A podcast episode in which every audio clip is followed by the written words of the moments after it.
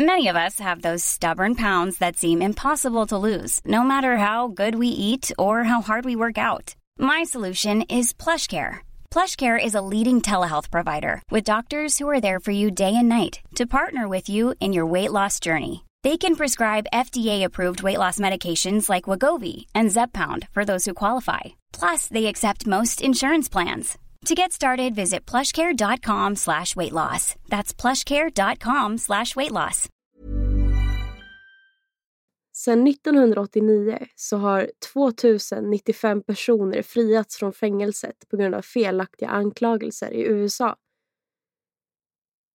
I genomsnitt så sitter varje person cirka åtta år för ett brott de inte begått. Och detta blir tillsammans cirka 18 250 år totalt. The Innocent Project menar enligt sina rapporter att cirka 2-5% sitter oskyldigt dömda. Och med cirka 2 miljoner människor som sitter i fängelse idag i USA så är det ungefär 40 000 som är oskyldigt dömda.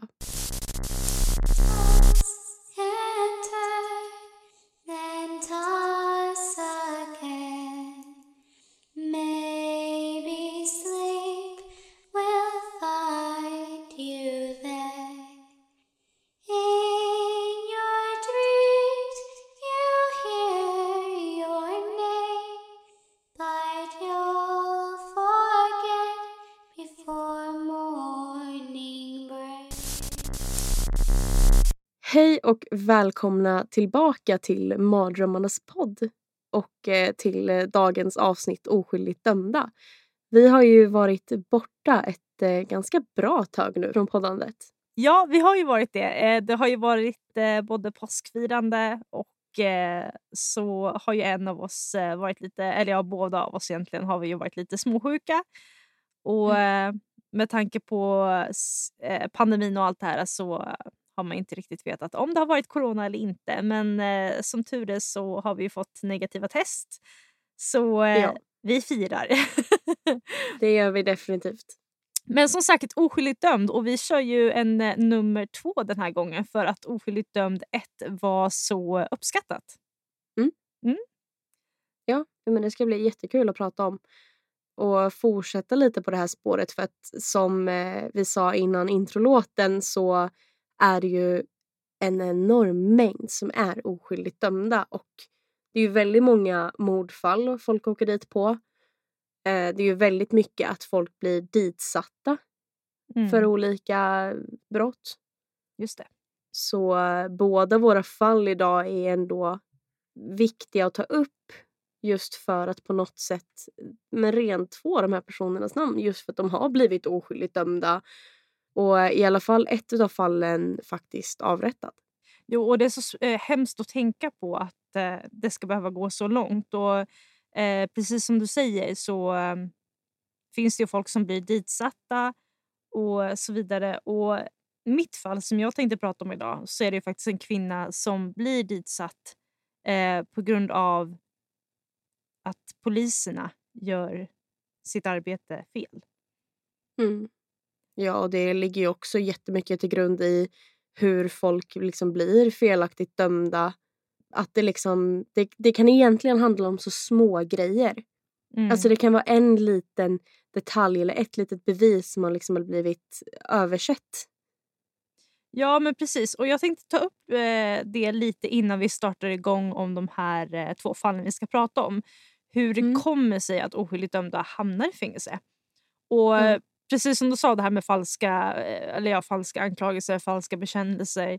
Eh, för det finns ju faktiskt människor som erkänner mord och så vidare men som aldrig egentligen har begått dem. Ja, men du vet, man Mm. har ju hört liksom en, ja, men en 50-årig snubbe som har eh, sagt att han har begått ett mord som hände för 70 år sedan. Jag menar, det, det går ju inte. Nej. Väldigt inte. speciellt. Eh, och I vårt förra oskyldigt dömda avsnitt så pratade jag om en grupp eh, unga killar som blev hotade av polisen eh, till Mm. erkännande. Eh, av sådant de inte begått. Eh, som till exempel Bob Adams. Och Det var ju en kille som erkände, eh, erkände ett mord han inte hade begått. Han satt åtta månader innan hans rättsfall eh, togs upp. Och Anledningen till hans bekännelse var att eh, poliserna om och om igen i flera timmar frågade honom om han var skyldig. Och inte nog med det, att bara det är jobbigt i sig, så var han även ganska berusad under det förhöret. Ja, du hör ju hur sjukt det är. Men som sagt, men i det fallet jag tänkte ta upp idag så var det inte ett påtvingat, eh, påtvingat eh, erkännande som inträffade utan i det här fallet så handlade det om felaktiga bevis och eh, hanteringen av dem.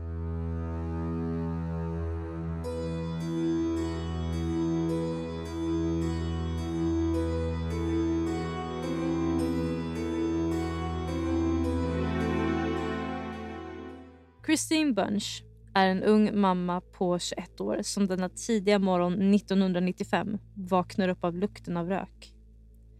Det tar ett tag innan hon riktigt förstår vad det är som sker i hennes lilla hem. Rummet hon sover i blir mer och mer rökfyllt och hon kommer då på att hennes treåriga son ligger i rummet bredvid. Hon börjar gå mot hans rum men hindras på grund av de stora lågorna som står mellan hennes och hennes sons rum. Christine försöker på alla sätt och vis att ta sig till sin son men lyckas inte. Och han dör i branden. Christine sörjer sin son och mitt i all sorg så kommer hon att bli misstänkt för att ha tänt eld på sitt eget hem. Hon blir alltså anklagad för att ha dödat sin egen son. Och efter en undersökning om vad som startade branden så kunde man påvisa att någon ska ha strött ut eller hällt ut något över golvet i huset som ska ha påskyndat branden. Man ska även ha sett att dörren till Kristins sons rum ska ha varit blockerad. I väntan på rättegång, men villkorligt frigiven, så blir Kristin gravid. En kort tid därefter så kommer rättegången och Eh, hon blir då dömd till 60 år i fängelse för mordet på sin egen son. Efter domen så ger Kristin upp allt. Hon orkar inte mer. Hon har förlorat sin son och blir nu straffad för det. Hon studerar inget och finner ingen lust att vilja ta sig an ett jobb i fängelset tills hon själv plötsligt inser att hon är gravid. Tre månader efter att hon fick domen så föder hon sin andra son. Dagen efter så förs hon tillbaka till sin cell. Men trots sorgen att inte få vara med sin nyfödde son så börjar Kristin att plugga. Hon utbildar sig och börjar jobba. Hon studerar olika rättsfall och försöker på det sättet att få kunskap till att en dag kunna påvisa att hon har blivit oskyldigt dömd. Avslag på avslag så kommer hon till slut i kontakt med en advokat som tar sig an hennes fall. Christine lockades av att gå med på en så kallad plea deal att erkänna sitt brott mot att hon får sex år till i fängelset istället för de 17 hon hade kvar. Men Christine stod emot. Hon tänkte inte erkänna något hon inte hade gjort. En expert inom forensisk toxikologi började gå igenom bevisen som stod mot Christine. Man kunde se att bevisen mot henne inte var vattentäta. Det fanns inga bevis på mordbrand enligt experten. Spåren på golvet i Kristins hus kan ha varit kerosin från en portabel värmekälla. Rapporten, som ska ha varit ifrån genomsöket av huset efter branden, ska även ha blivit fifflad med för att få det att se värre ut än vad det egentligen var. Men trots alla nya bevis som kommit fram så står rätten ändå fast i att hon begick mordbranden. Men Christines kamp slutade inte där. Hon skulle kämpa för att visa att hon var oskyldig och två och ett halvt år senare, år 2012, så tar hovrätten emot fallet och drar tillbaka domen mot henne. Christine flyttas till ett annat fängelse där hon tillbringar ytterligare sex månader i väntan på en ny rättegång. Efter 17 år, en månad och 16 dagar så frias till slut Christine och hon får äntligen gå fri. En av de första sakerna hon gjorde efter att hon släpptes var att åka och besöka sin sons grav.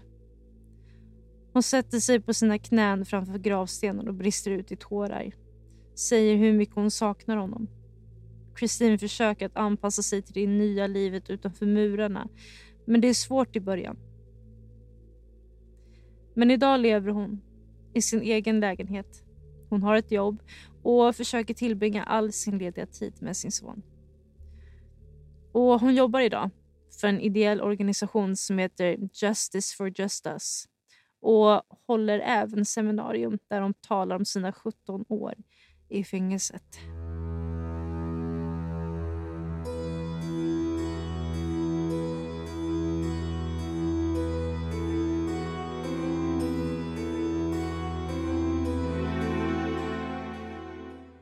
Det här får ju mig att tänka tillbaka lite på vårt eh, kidnappningsfallsavsnitt. Eh, där eh, du snackade om eh, Jace DeGard som också började jobba för en ideell organisation. För att hon skulle kunna få en möjlighet att hjälpa andra efter det hon själv hade gått igenom. Och det känns ju ändå som en ganska, vad ska man säga, alltså klassiskt sätt att liksom kunna ta sig ur sin egen smärta på något sätt.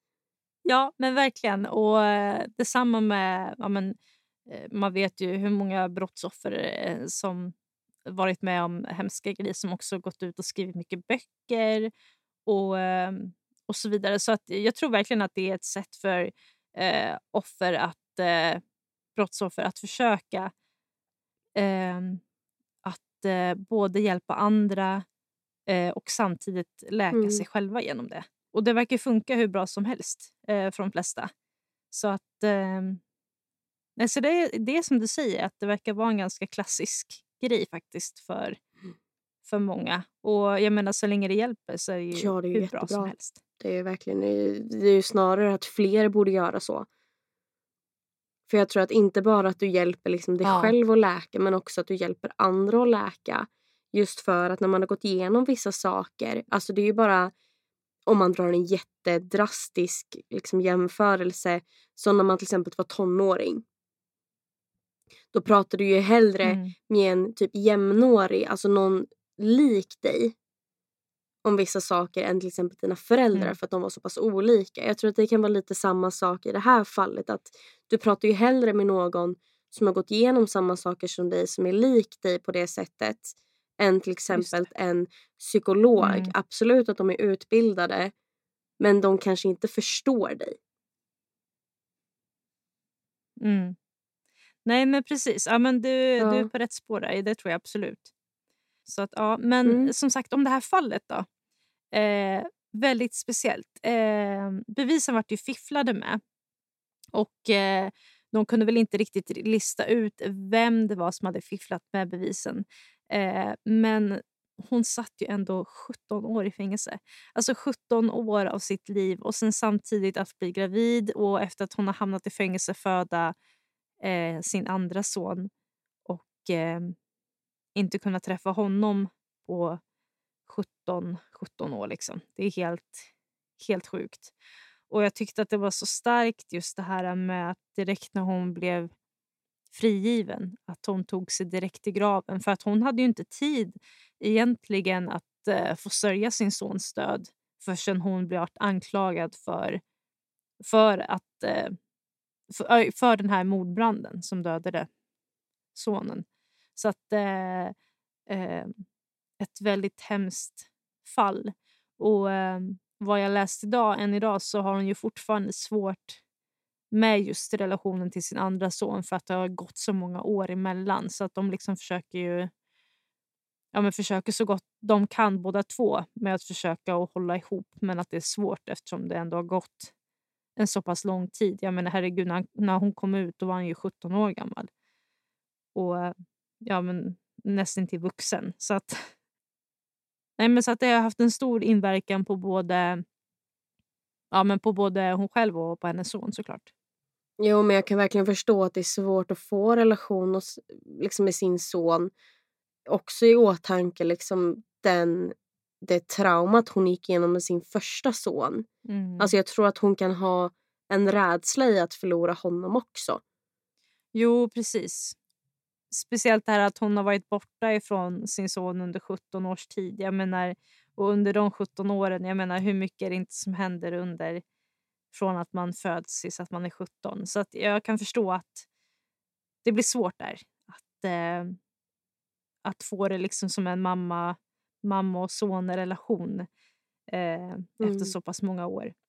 Ja, nej men verkligen. Det är ett jättehemskt fall. Men det är skönt ändå på något sätt att hon kom ur, liksom faktiskt kom ur fängelset och ja, men Jo, fick, men Ja, och fick liksom fick sin... en slags upprättelse. Liksom. Ja, och jag menar hon kämpade ändå på väldigt hårt där i fängelse med att försöka... Jag menar att hon började just plugga och jobba och försöka studera olika rättsfall för att kunna ta sig eh, ut ur fängelset. Och hon var, Mm. hade ju det här mindsetet att hon absolut inte skulle erkänna någonting hon inte hade gjort. Och, ehm, eh, och idag så är hon fri. Så att eh, ehm, 17 år som gick till spillo men hon har äntligen kunnat ta sig ur och eh, kan nu helt enkelt börja leva om sitt liv igen. Mm. Det är det här jag gillar med det här ämnet. Även fast det är ett jättehemskt ämne så ändå liksom att på något sätt se det positiva i det. Och att de kommer ur det Ja. och ändå får liksom men, en upprättelse. Precis. Men eh, nu till ditt fall då. För att jag hörde i början att du pratade, den du skulle prata om vart avrättad. Ja, mitt fall är ju inte riktigt lika positivt som ditt. Eh, nej, precis. är det ju inte. Eh, det är ganska hemskt så att känsliga lyssnare varnas säger jag redan nu. För att den jag ska prata om är den 14 år gamla George Stinney.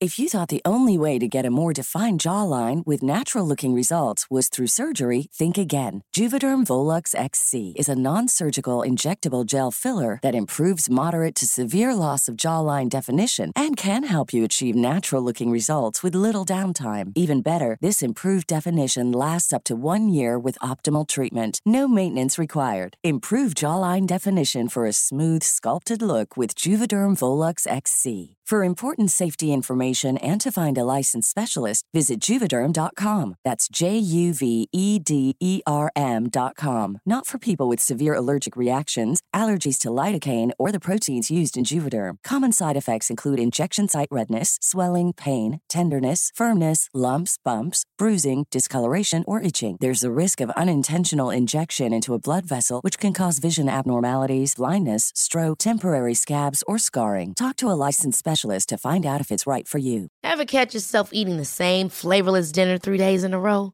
Dreaming of something better? Well, HelloFresh is your guilt-free dream come true, baby. It's me, Kiki Palmer. Let's wake up those taste buds with hot, juicy pecan-crusted chicken or garlic butter shrimp scampi. Mm. Hello Fresh. Stop dreaming of all the delicious possibilities and dig in at HelloFresh.com. Let's get this dinner party started.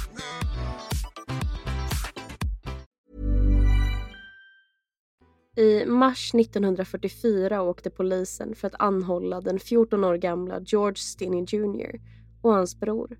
Hans föräldrar var inte hemma och Georges lilla syster gömde sig i trädgården. Men vad var de anhållna för? Två unga vita flickor hade hittats ihjälslagna i ett dike. Den sjuåriga Emma Thames hade ett djupt jack över ögonbrynet och ett hål som gått igenom pannan och in i huvudet. Den elvaåriga Betty June Binnicker hade fått hela sju slag mot huvudet. Skadorna var så illa att läkaren som undersökt dem berättat att hennes bakhuvud varit fullt av benfragment från skallen. George och hans syskon, som alla var mörkhyade och bodde på den segregerade sidan av stan i Alcolu, sägs vara de sista som sett flickorna vid liv. Polisen släppte strax därefter Georges bror men höll kvar den unga pojken och riktade all sin uppmärksamhet mot honom. Georges syster Amy berättar senare i en intervju att citat Polisen letade efter någon att skylla på så de använde min bror som en syndabock. Slutcitat. Han förhördes i ett litet rum utan sina föräldrar och utan advokat. Rätten till advokat skulle inte träda i kraft förrän 1963 så han skulle inte få någon advokat förrän själva rättegången ägde rum. Polisen hävdar då att George erkänt morden på de två flickorna. Utan några fysiska bevis och utan ett skriftligt erkännande rusades George till rättegången. Och efter en rättegång som pågick i två timmar och endast en tio minuters lång juryöverläggning dömdes den 14-årige pojken till döden via elektriska stolen. Vid den här tidpunkten var 14 år en straffbar ålder och hans advokat som var en lokalpolitisk person valde att inte överklaga domen eller ta med några vittnen in i rätten. Så den 16 juni 1944, bara 83 dagar efter mordet på flickorna, skickades George till elektriska stolen och till sin dödsdom. Idag är ett överklagande på en dödsdom automatiskt och det kan därför gå år och till och med årtionden för en avrättning vilket ger det gott om tid för eventuella nya bevis att dyka upp. Men så var inte fallet här. Han var 155 centimeter lång och vägde bara 40 kilo. Alltså var han alldeles för liten för den elektriska stolen som såklart var byggd för vuxna människor. Det rapporterades att han behövde sitta på bibeln han tagit med sig då de hade svårt att sätta fast honom i stolen och eftersom hettan var för stor på hans lilla huvud så åkte den av vid första elchocken och man kunde då se tårarna som rann ner för hans kinder. Det tog sammanlagt fyra stötar under åtta minuter innan han dödsförklarades. Och med det så blev han den yngsta som avrättats i 1900-talets USA. En eh, lokalhistoriker och skolstyrelseledamot började gräva i fallet 2004 och strax efter det kom Georges tidigare cellkamrat ut med informationen om att George hade nekat morden hela vägen fram till sin avrättning. Vilket var någonting helt annat från vad poliserna hade sagt. Han tyckte det var märkligt att det inte fanns några blodspår vid mordplatsen och George som bara vägde 40 kilo hade ju omöjligt kunnat bära flickorna till diket. 2009 planerade en advokat att lämna in vittnesmål från Georges familjemedlemmar. Men när en man från Tennessee påstod att han hade ett alibi för pojken försenades vittnesmålen men mannen dök aldrig upp. Och eh, två advokater, varav en hette Matt Burge, tog tag i fallet igen efter förseningen och var helt inställd på att rentvå Georges namn. Så 2013 började de gräva i fallet och se över all efterforskning som den här historikern hade gjort. Enligt en artikel av Boston Courier undrade Burge, citat, skulle en liten pojke kunna slå två tjejer till döds, varav en var ungefär hans storlek. Skulle han haft styrkan att dra deras kroppar i ett dike? Hur kunde ett barn som bodde i Jim Crow South begå ett sådant brutalt brott mot två tjejer mitt på eftermiddagen utan att väcka uppmärksamhet. Slutcitat. Nya detaljer och bevis började dyka upp och Georges familj var fast vid att hans bekännelse blivit framtvingad eller förfalskad och att han faktiskt hade ett alibi som aldrig tagits med i rättegången, nämligen hans syster Amy. Hon hade nämligen varit med honom vid det påstådda mordet och de hade varit med deras ko som betade vid järnvägsspåret i närheten av deras bostad de två flickorna hade då kommit cyklandes och letade efter Maypops. När de inte kunde svara på frågan så cyklade flickorna vidare. I januari 2014 krävde familjen en ny rättegång och domaren Cameron Mullen hörde på vittnesmålen och de nya bevisen. På plats var även en person som varit med i sökgruppen efter flickorna och en barnmedicinpsykiatriker vid namn Amanda Sales. Och hon hade då sagt citat. Det är min yrkesmässiga uppfattning i en rimlig grad av medicinsk säkerhet att den bekännelse som George Stinney gav den 24 mars 1944 ska ses som framtvingad och en falsk bekännelse. Slutcitat.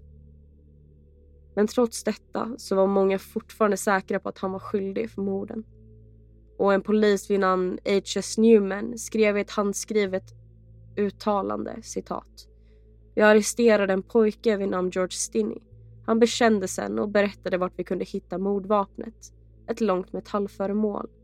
Han sa att han lagt den i ett dike cirka sex meter från flickornas cyklar. Slutcitat. Men efter cirka ett år av överläggande av juryn och domaren så friades George den 17 december 2014.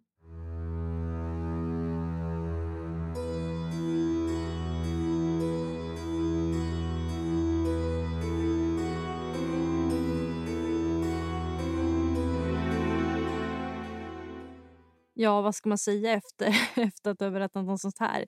Eh, väldigt eh, brutalt och tragiskt och hemskt fall. Eh, men jag tänker, när du berättade om det så fick det mig att tänka på... Eh, jag har för mig att jag har hört om någon film eller något liknande där jag har sett eh, som jag sett lite av som har verkat varit om just det här fallet. Jo, men det har du faktiskt helt rätt i. Det kom ut en film 2018 som heter 83 Days, vilket då var antalet dagar som gick mellan mordfallet och den dagen han faktiskt avrättades. Så det har gjorts en film Mm. eh, om George Stinney och men hela det här fallet. För det här har ju varit ett 70-årigt fall som har varit liksom, Just det. ja, men, olöst. Ja, och alltså, jag tycker ändå att det är väldigt så här, extraordinärt med att just eh, att familjen har varit så, eh, så fast vid att han var oskyldig och att hans namn ska liksom... Ja, men att det ska rättfärdigas att han var oskyldig ända fram till idag. Även fast fallet är så pass gammalt som du, som du nyss sa. Liksom. Ja, ja nej, men de har ju varit stenfast vid det hela tiden. Och Problemet har ju varit lite att i den här staden Alcaloo Alltså i och med att det har varit en så segregerad stad och det liksom har varit liksom den vita befolkningen på en sida och den svarta befolkningen på en annan sida så har ju det blivit att alla liksom vita har ju vänts mot honom. Och man har ju kommit fram till i efterhand att för det första så den egentliga mördaren, de är inte helt säkra men det Mm. spekuleras kring, var son till en väldigt högt uppsatt person som ehm, Mhm. ja, men i princip var den personen som, Som fick till att han det. faktiskt avrättades. Som skyndade på hela den här processen. Ah. Jo, för om man, ser, om man ser på det precis som du sa i, ja, men un, under den tiden du pratade om det här så det var ju inte många dagar han satt innan han blev avrättad utan det gick ju Mm. väldigt snabbt. Till exempel idag då kan det ju si- sitta folk som eh, dör innan de ens Mm. avrättas. Alltså för att det tar så många, sjukt många år innan man kan hitta bevis till exempel som kan motsätta sig det som eh, de nu är dömda Ja. för. Till Jo men precis. Men det är ju för att idag, som jag sa, så finns ju det här automatiska systemet. Nej men det prövas om automatiskt och oftast så blir de flesta inte avrättade. Ehm, Mm. Utan de sitter liksom livet ut i fängelse. Mm. Så att det krävs ganska mycket idag för att en avrättning faktiskt ska gå igenom och väldigt stenhårda bevis. Och sen får vi ju tänka på det också att eh, just under den här tiden som den här 14-åriga pojken levde så jag menar då var det inte så jättemycket egentligen bevisning som behövdes för att man skulle dömas för ett, till exempel ett mordfall eller liknande. Utan det räckte ju bara med till exempel vittnesmål eller så vidare. Att någon gick emot det han sa och sen att man blev dömd Mm. för det. Nu är det ju mer att, att man kan sitta hur länge som helst och att bevis kan komma fram under liksom 20-30 Mm. år. Eh, och visst, även fast det är så, så eh, kanske det sitter 40 000 oskyldigt dömda. Men om man jämför om man hade jämfört dagens statistik med statistiken förr som egentligen inte var för så jättelänge sedan så lär det ju vara enormt olika siffror. Rent statistikmässigt. Ja, men definitivt. Det är det ju. Och det är ju... Jag menar överlag också det här saken att de inte hade rätt till advokat. För ni vet ju som man kollar på eller som poliser säger överlag när de arresterar en person nu, vart det än är så har ju vi i Sverige liksom att du har rätt till, du har rätt att inte säga någonting men allt Ja, men du du har rätt säger. till en advokat. Om du inte har råd med en så, eh, så får du en. Ja, ja men hela den här liksom saken de rabblar upp. I Mm. USA så, så kom ju liksom inte det i lag förrän 1963. Så att det fanns ju Mm. liksom ingen rättighet till en advokat utan det var ju domaren som ordnade en advokat till honom. Vilket också gör att om man liksom ser spekulationsmässigt om det hade varit den här sonen till den här högt uppsatta personen. Det kunde lika gärna ha varit han som hade satt in den här advokaten. Och bara, men Mm, nu, nu precis. du överklagar inte, du tar inte in några du tar inte in några vittnen utan gör Mm. ingenting för att gynna honom. Utan nu ska vi få den här Mm. personen dömd Jo, så man- att min son kommer undan. Ja. Jo, alltså där kan man ju verkligen säga att, eh, att eh, mycket styrs just där av pengar och makt och eh, allt det där. Och plus att det var väldigt lätt just då eh, att kunna fiffla med bevisning och saker och ting. Och jag menar, som du sa, en pojke som är 155 centimeter kort och väger 40 kilo. Det känns ju väldigt osannolikt när man väl tittar på bevisningen som var emot honom. Alltså det känns ju ändå väldigt märkligt att han skulle kunna med sån kraft eh, ja, men kunna bära flickorna till det där Mm. diket och mördat dem på det sättet som är sagt att de ska ha blivit mördade på. Det känns väldigt... Det känns som att man bara ville välja någon att lägga skulden på. Och som du säger, att det säkert var någon högt uppsatt människas son som man ville liksom skydda. Och så, så tog man den bästa... Ja, men den bästa liksom, att skylla på. En ung eh, försvarslös Mm. Nej, så att i det här fallet han fick ju upprättelse men den upprättelsen räddade ju inte hans liv. Utan den kom Nej. ju 70 år Nej, senare. Det var ju precis. inte länge sedan som hans eh, liksom, Nej. dom ogiltig förklarades. Mm. Ja, och vilken tid det ändå har tagit. Ehm, och som den här familjen har kämpat för att få sin sons namn liksom out of the Ja, och dark. Eller hur man nu ska säga. det som känns liksom förnedrande mot familjen är ju liksom att det tog ju först att en historiker skulle liksom upptäcka det här och Mm. börja liksom researcha i det till att två advokater skulle ta tag i det till att domen faktiskt skulle upphävas. Det räckte ju Mm. inte med att familjen gick emot det, vilket är väldigt, väldigt sorgligt. Jo, men alltså som sagt ett eh, väldigt eh, tragiskt och hemskt fall. Och alltså jag har varit nästan lite rörd när du berättade om det här med när han fick sitta på Mm. Bibeln eh, för att kunna nå upp högre upp i den här elektriska stolen. Och att eh, man kunde se liksom hur tårarna föll och att det faktiskt tog åtta minuter innan man kunde dödsförklara honom. Jag, eh, alltså jag kan bara förstå hans skräck när han fick komma in Mm. där och sätta sig i den där stolen. och Nej, det är... Är Så fruktansvärt. Men som sagt, för, för er som inte sett den här filmen som Alisa pratade om, vad heter den nu igen? 83 days. 83 days. Så eh, gå in på nätet och försök att hitta den och se på den. För den, den är faktiskt eh, värd att se på. Och Speciellt om man är extra intresserad av just eh, det här fallet. Mm. Ja men verkligen. Det är en väldigt, väldigt bra film. Det tog ju eh, fyra år för dem att göra den. Så den är ju Mm. ändå välproducerad.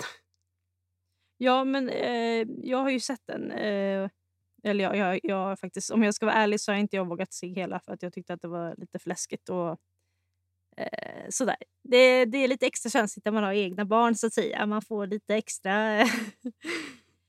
eh, det blir lite extra jobbigt. Men som sagt, eh, av det jag sett så verkar det som att den är väldigt välproducerad och eh, värd att se. Så att vi får se om jag vågar se den längre fram. Ja. Hela. Vi får se på den ihop igen. Ja, men vi får göra det. Absolut. eh, men det var allt för eh, dagens avsnitt. Mm.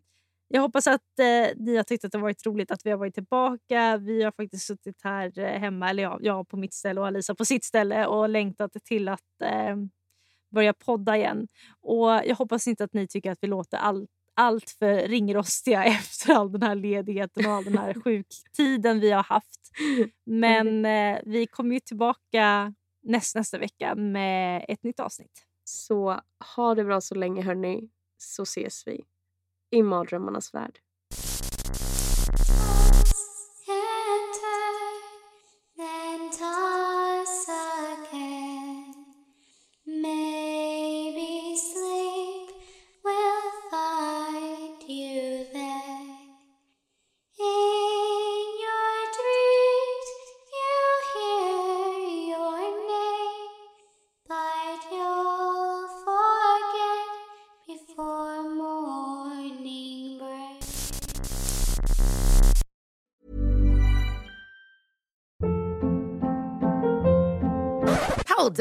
What was that? Boring. No flavor. That was as bad as those leftovers you ate all week. Kiki Palmer here, and it's time to say hello to something fresh and guilt-free. Hello Fresh. Jazz up dinner with pecan-crusted chicken or garlic butter shrimp scampi. Now that's music to my mouth. Hello Fresh. Let's get this dinner party started. Discover all the delicious possibilities at hellofresh.com.